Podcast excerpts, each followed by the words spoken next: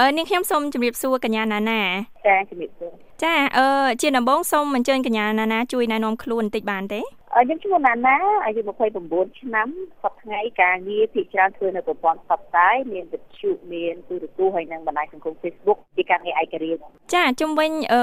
កម្មវិធីវិទ្យុរបស់កញ្ញាថាតើកញ្ញាអាចជួយរៀបរាប់អំពីកម្មវិធីនឹងបន្តិចបានទេ កម្មវិធីវិទ្យុខ្ញុំជាកម្មវិធីដោះស្រាយវិបត្តិតាមពិតទៅយើងទទួលវិបត្តិប្រិមិត្តហ្នឹងគ្រប់ទាំងអស់ហ្នឹងក៏ប៉ុន្តែតាមទស្សនវិជ្ជាស្ដែងអ្វីដែលប្រិមិត្តយើងដែលភាគច្រើនជាយុវវ័យគាត់សួរគាត់សួររឿងស្នេហាអញ្ចឹងទៅកម្មវិធីហ្នឹងបន្ទាប់ពីអស់រយៈពេលច្រើនឆ្នាំវាខ្លាយទៅជាកម្មវិធីដោះស្រាយវិបត្តិស្នេហាបើតាមយោបល់កញ្ញាតើកញ្ញាគិតថាតើមូលហេតុអីទៅបានជាគាត់ជ្រើសរើសយកការទូរស័ព្ទចូលក្នុងកម្មវិធីរបស់ណាណាជាជាងទៅជួបជាមួយនឹងអ្នកជំនាញឬក៏ខាងអ្នកពិគ្រោះយោបល់ ទីមួយនៅក្នុងស្រុកខ្មែរយើងអត់មានអ្នកជំនាញផ្នែកពីគ្រោះយោបល់ទេយើងមានអ្នកចិត្តសាស្ត្រមានអីចឹងទៅប៉ុន្តែអ្នកចិត្តសាស្ត្រហ្នឹងភាគច្រើនគេអត់ទៅរកទៅចំពោះមនុស្សទៅរកពេទ្យចិត្តសាស្ត្រគេតាមទៅឈួតនៅក្នុងស្រុកខ្មែរយើងគិតចឹងទីពីរលុយ បើយើងទៅរកពេទ្យចិត្តសាស្ត្រឬក៏អ្នកចិត្តសាស្ត្រគាត់ត្រូវចំណាយលុយហើយលុយក៏មិនជាថោកបានដែរទី3ដែលសំខាន់ផងបើគាត់ទៅរកផ្ទាល់គាត់ត្រូវឲ្យគេឃើញមុខហើយធម្មតាអារឿងដែលគាត់ត្រូវការប្រឹក្សាយោបល់ហ្នឹងជារឿងដែលពិបាកឲ្យគេឃើញមុខណាតែគេឃើញមុខគាត់អៀនគាត់អីចឹងណាខ្ញុំគាត់ថាអ្វីដែលប្រិមិត្តនឹងគាត់រកខ្ញុំច្រើនជាងទៅពេទ្យឬក៏ទៅជួបអ្នកជំនាញគឺដោយសារទីមួយខ្ញុំអត់ស្គាល់គាត់ក៏អត់ស្គាល់ខ្ញុំទេចឹងគាត់អាចនិយាយបានដោយមិនអៀនខ្មាស់នៅក្នុងកម្មវិធីវិទ្យុខ្ញុំអត់ទទួលឈ្មោះគាត់ផងចង់ប្រាប់ក៏ប្រាប់មិនប្រាប់ក៏អត់អីដែរតែបើទៅខ្ញុំចូលក៏គាត់ក៏ហក់បានដែរ ទីទីវាជាកម្មវិធីវិទ្យុគាត់ទេចូលអាចអស់លុយបន្តិចបន្តួចថ្លៃទូរស័ព្ទប៉ុន្តែឥឡូវប្រព័ន្ធខ្លះហ្នឹងវាហ្វ្រីមួយគ្នាទៀតអញ្ចឹងទៅវាអត់មានការចំណាយលុយចំណាយអីច្រើនព្រោះតែសំខាន់បំផុតហ្នឹងខ្ញុំគិតថាមនុស្សយើងនៅក្នុងស្រុកខ្មែរយើងរស់នៅក្នុងជំនាន់មួយដែលឪពុកម្ដាយយើងគាត់មកពីសម័យសង្គ្រាមដូច្នេះអាការអប់រំកូនក៏មានលក្ខណៈខុសគ្នាដែរមិនដូចជានៅប្រចាំប្រទេសមិនដូចជានៅខាងក្រៅអាចគេលើកចិត្តឲ្យកូនពិភាក្សាជាមួយឪពុកម្ដាយទោះបីរឿងផ្លូវភេទរឿងអីហ្នឹងអាចពិភាក្សាគ្នាបាន នៅស្រុកយើងមានមិនទទួលម៉ែឪទេប៉ុន្តែខ្ញុំគិតថាដោយសារគាត់ឆ្លងពីសម័យសង្គ្រាមមកគាត់អត់ទាំងមានការអប់រំអីបានច្រើនផងអញ្ចឹងទៅអារបៀបរបបនៃតំណែងនៅក្នុងគ្រួសារវាខុសគ្នា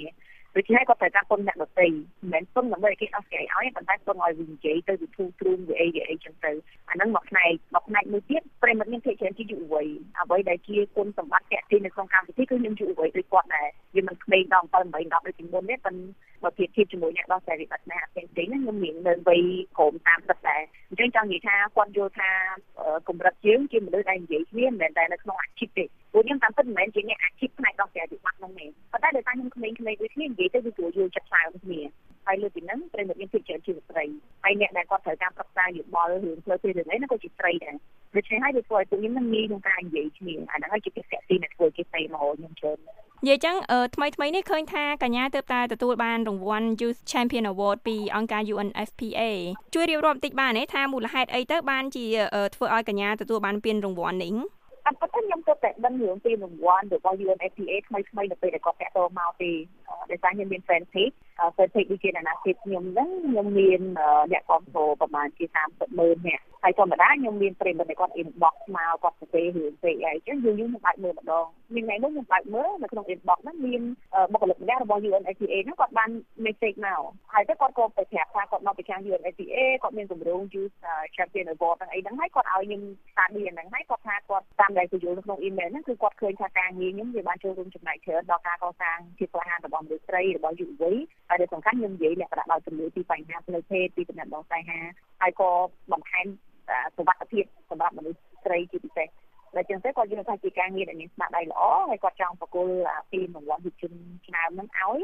ចឹងគឺរឿងគាត់សួរចិត្តថាតើចង់ចូលរួមជាមួយនឹងកម្មវិធីនឹងអត់ហើយខ្ញុំថាអីអត់យកមិនពីរង្វាន់ UNFPA មួយទាំងមូលអញ្ចឹងទៅគាត់ថាអូខេខ្ញុំចាប់អារម្មណ៍អីចឹងទៅបានគាត់ចាប់ដើមតំណែងនោះមានរយៈទៅគាត់ក៏មានរៀបចំពិធីប្រគល់រង្វាន់អីផ្លូវការអញ្ចឹងទៅចាហើយអឺ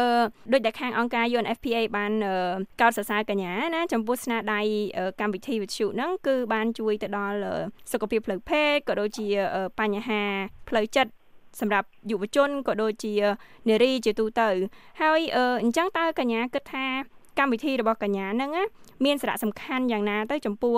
យុវជនដែលពួកគាត់ជួបប្រទះជាមួយបញ្ហាក៏ដូចជាខាងឪពុកម្ដាយដែលគាត់ជាអ្នកស្ដាប់គាត់អាចស្វែងយល់ពីបញ្ហាយុវវ័យខ នៅពេលដែលខ្ញុំផ្ដើមធ្វើការងារនឹងដំបូងទៅខ្ញុំអត់មានគិតថាចំណេញអ្នកណាខាតអ្នកណាទេខ្ញុំគាត់តែចង់រកលុយបន្ថែមកាលនោះខ្ញុំរៀននៅមហាវិទ្យាល័យប៉ុន្តែនៅពេលដែលយើងចាប់ផ្ដើមចូលនៅក្នុងកម្មវិធីយើងចាប់ផ្ដើមមានប្រិមិត្តដែលគាត់ទេមកហើយរឿងរបស់គាត់មួយចំនួនជារឿងដែលយើងមិនស្មានអត់ដល់មែនទែនអញ្ចឹងក្រោយៗមកខ្ញុំចាប់ផ្ដើមមានអារម្មណ៍ថាបានទាំងអា1ម៉ោង3រៀនហ្នឹងហើយដូចបានរៀនមេរៀនជីវិតតែអត់គិតថ្លៃអញ្ចឹងព្រោះអាហ្នឹងមិនដែលសុខទុក្ខគេដើមមិននិយាយប្រាប់យើងណា ប៉ុន្តែយើងនៅក្នុងកម្មវិធីវិទ្យុគឺគេទេមកប្រាប់ហើយគេគាត់ណាគុំយោបល់សុំអីពីជួយអញ្ចឹងក្រោយមកខ្លាយតែពីលុយខ្ញុំបានខ្លាយទៅជាមេរៀនជីវិតប្រាប់ខ្លួនឯងក្រោយៗមកទៀតនៅពេលដែលយើងកាន់តែមានភាពស្រីភាព យើងមានហ្វេនយើងចាប់ផ្ដើមមានទំនួលខុសត្រូវលើជីវិតរបស់គាត់ខ្លះដែរទោះបីខ្ញុំអត់ចប់ចិត្តជាអីគាត់ប៉ុន្តែអ្វីដែលខ្ញុំនិយាយនឹងប៉ះពាល់ដល់ការសម្រេចចិត្តរបស់គាត់អញ្ចឹងរហូតមកដល់ពេលបច្ចុប្បន្នតាមពិតទៅខ្ញុំបានចាក់អាជីពផ្សេងច្រើនហើយក៏ប៉ុន្តែខ្ញុំមិនបានបោះបង់ចោលអាការងារវិទ្យុមួយម៉ោងហ្នឹងបើការងារវិទ្យុលើកទៀតបោះផ្សេងផ្សេងខ្ញុំតម្លាក់នេះចោលអស់ហើយខ្ញុំចប់ធ្វើអីផ្សេងដែរប៉ុន្តែកម្មវិធីហ្នឹងខ្ញុំជប់រហូតដល់ពេលបច្ចុប្បន្នដោយសារខ្ញុំយល់ថាវាជាចាំបាច់មែនទែនខ្ញុំដឹងអាពេលដែលអត់លុយអាពេលដែលពិបាកចិត្តអាពេលដែលជាក្បត់ចិត្តអាពេលដែល stress មែនទែនវាអត់មានអ្នកពិស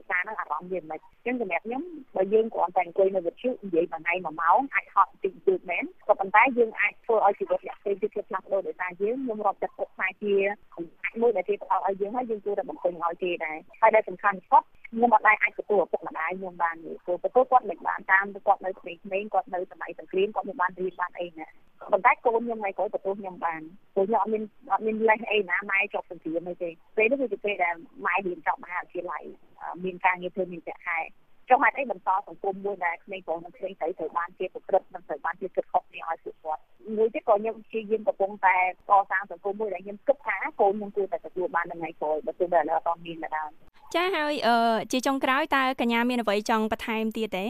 អង្គការសង្គមស៊ីវិលច្រើនណាក៏បានធ្វើការល្អល្អច្រើនមែនទេខ្ញុំក៏ជាអតីតបុគ្គលិកអង្គការសង្គមស៊ីវិលដែរជាពិសេសអង្គការយុវជនអញ្ចឹងណាក៏ប៉ុន្តែកន្លងមកអង្គការសង្គមស៊ីវិលយើងយ៉ាងច្រើនលើកលោកក្នុងប្រទេសកម្ពុជាយើងកសាងអ្វីដែលជាអត្ថ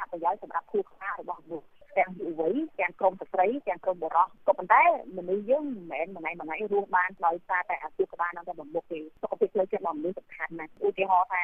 អង្គការស្ត្រីមួយគាត់និយាយពីអង្គការកសាងពីពីដឹកនាំឲ្យស្ត្រីឲ្យគាត់ខ្លាយជាសហគ្រិនឲ្យគាត់ជាដឹកនាំជាអីប៉ុន្តែបើមិនជាកលេសមើលទៅក្នុងគ្រួសាររបស់គាត់ស្ដីគាត់ក្បត់ចិត្តគាត់អត់បានប្រឈមមុខអានឹងមួយមិននៅគាត់មានបញ្ហាជាមួយពុកម្ដាយក្មេងគាត់មានអ្នកសិក្សាយោបល់ជាមួយអញ្ចឹងបើទោះបីយើងទៅបរៀនរបស់គូក្បាលគាត់បានច្រើននៅពេលដែលទឹកចិត្តគាត់ទុំជ្រាយ ខ្ញុំអត់ជឿថាអានឹងវាបានទទួលជោគជ័យទេសម្រាប់ខ្ញុំជាការឲ្យយោបល់ខ្ញុំគិតថាក្នុងកំឡុងពេលដែលយើងព្យាយាមបន្ថែមចំណេះដឹងឲ្យស្ត្រីបើយើងចង់ឲ្យស្ត្រីនឹងមានទឹកស្នាមបរិសុទ្ធទៅថ្ងៃក្រោយដែរយើងក៏ត្រូវតែពង្រឹងផ្លូវចិត្តរបស់គាត់ដែរនៅពេលដែលផ្លូវចិត្តគាត់រឹងមាំគាត់ក៏មានឱកាសអាចបើកជំនួយខ្លួនឯងទៅរៀនអីថ្មីថ្មីបន្ថែមទៀតដែរអ្នកខ្លះគាត់និយាយថាទៅធ្វើការងារអីដល់តែបាត់ស្នេហាឬស្នេហារឿងទៅទៅហ្នឹងជិះមិនមិនគិតរឿងប្រទេសជាតិរឿងយោបាយរឿងអីខ្ញុំថាយល់ថារឿងស្នេហាគឺរឿងទៅទៅដោយសារយើងអត់មើលឃើញតម្លៃរបស់វា នៅពេលដែលមនុស្សមានសុខភាពស្នេហាល្អនៅពេលដែលមនុស្សមានសុខភាពផ្លូវចិត្តល្អគាត់មានកម្លាំងទៅរកទីធ្វើអីផ្សេងទៀតពួកអារម្មណ៍របស់មនុស្សសំខាន់ហើយខ្ញុំគិតថាយើងហួរនៅក្នុងសង្គមមួយដែលគេលែងទៅខ្វល់អារម្មណ៍របស់មនុស្សណាតែមនុស្សធ្វើអីអត់ខ្វល់ថាប៉ះពាល់អារម្មណ៍អ្នកណា